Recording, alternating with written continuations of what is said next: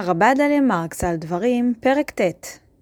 משה מדווח ואתנפל לפני אדוני את ארבעים היום ואת ארבעים הלילה אשר התנפלתי, כי אמר אדוני להשמיד אתכם, וזאת על חטא העגל.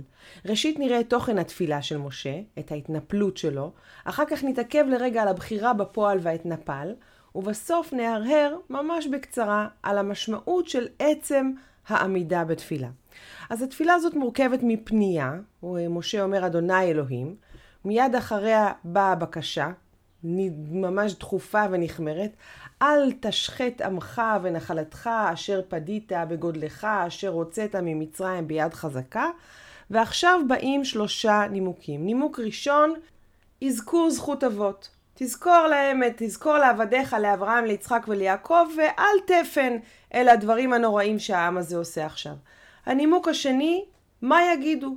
פן יאמרו, כן? הוא הוציא אותם מהארץ הזאת, הוא לא באמת היה יכול להביאם אל הארץ אשר דיבר להם, ומשנאתו אותם הוציאם לעמיתם במדבר. ונימוק שלישי, והם עמך ונחלתך אשר הוצאת בכוחך הגדול ובזרועתך הנטויה. אז, אז תס, ת, תסלח להם, תמחה להם, הם העם שלך. לכאורה זו תפילה שגרתית, זה מבנה של תפילות רבות, אבל כאן יש לנו תפילה שנאמרה לאורך 40 יום ו-40 לילה בצורה מאוד מאוד נחמרת ואינטנסיבית, וגם הפועל שמשה בוחר הוא לא שגרתי ואת נפל. הנה לנו השורש נפל בבניין התפעל. בניין התפעל, כמו שאנחנו יודעים, זה בניין רפלקטיבי, זה בניין חוזר. אה, ממש כמו הפועל הרגיל לתפילה, התפלל. והפרשנים מלמדים אותנו שלהתפלל זה בעצם להפליל את עצמנו, להודות בחטאינו, בחולשותינו. וכך גם התנפל, כן, הוא התנפל, הוא הפיל את עצמו לפני האל. אבל להתנפל זה לא רק משהו שקורה לנו, זה לא רק פעולה שאנחנו מפעילים או מפעילות על עצמנו, אלא גם התנפלות על מישהו אחר, ככה לפחות בעברית המודרנית. ובעצם גם בתנ"ך. כאשר אחי יוסף מגלים את הכסף שהושב להמתחותיהם, הם נבהלים.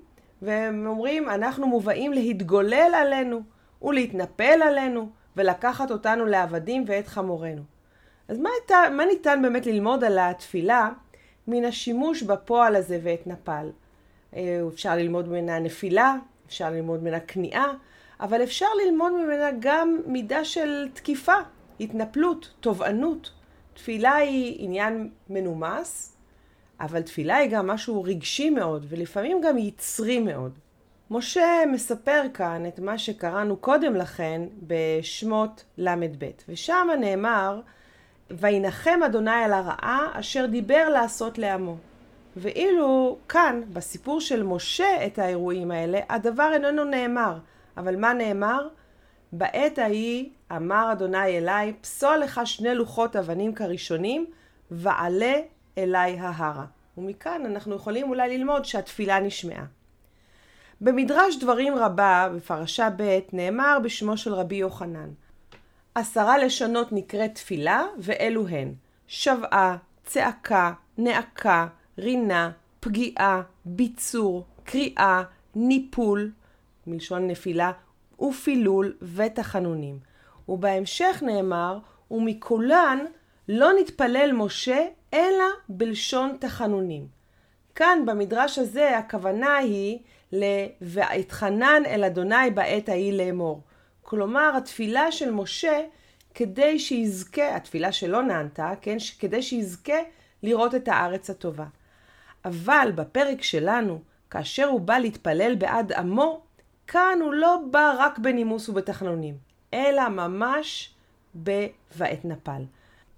יש דרכים רבות להתפלל, ככה מלמד אותנו המדרש מדברים רבה.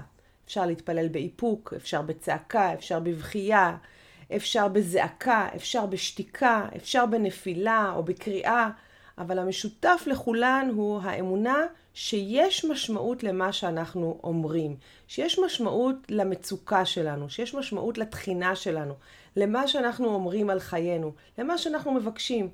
ומשותפת לכולם האמונה, או לפחות התקווה, שיש מי ששומע את תפילותינו.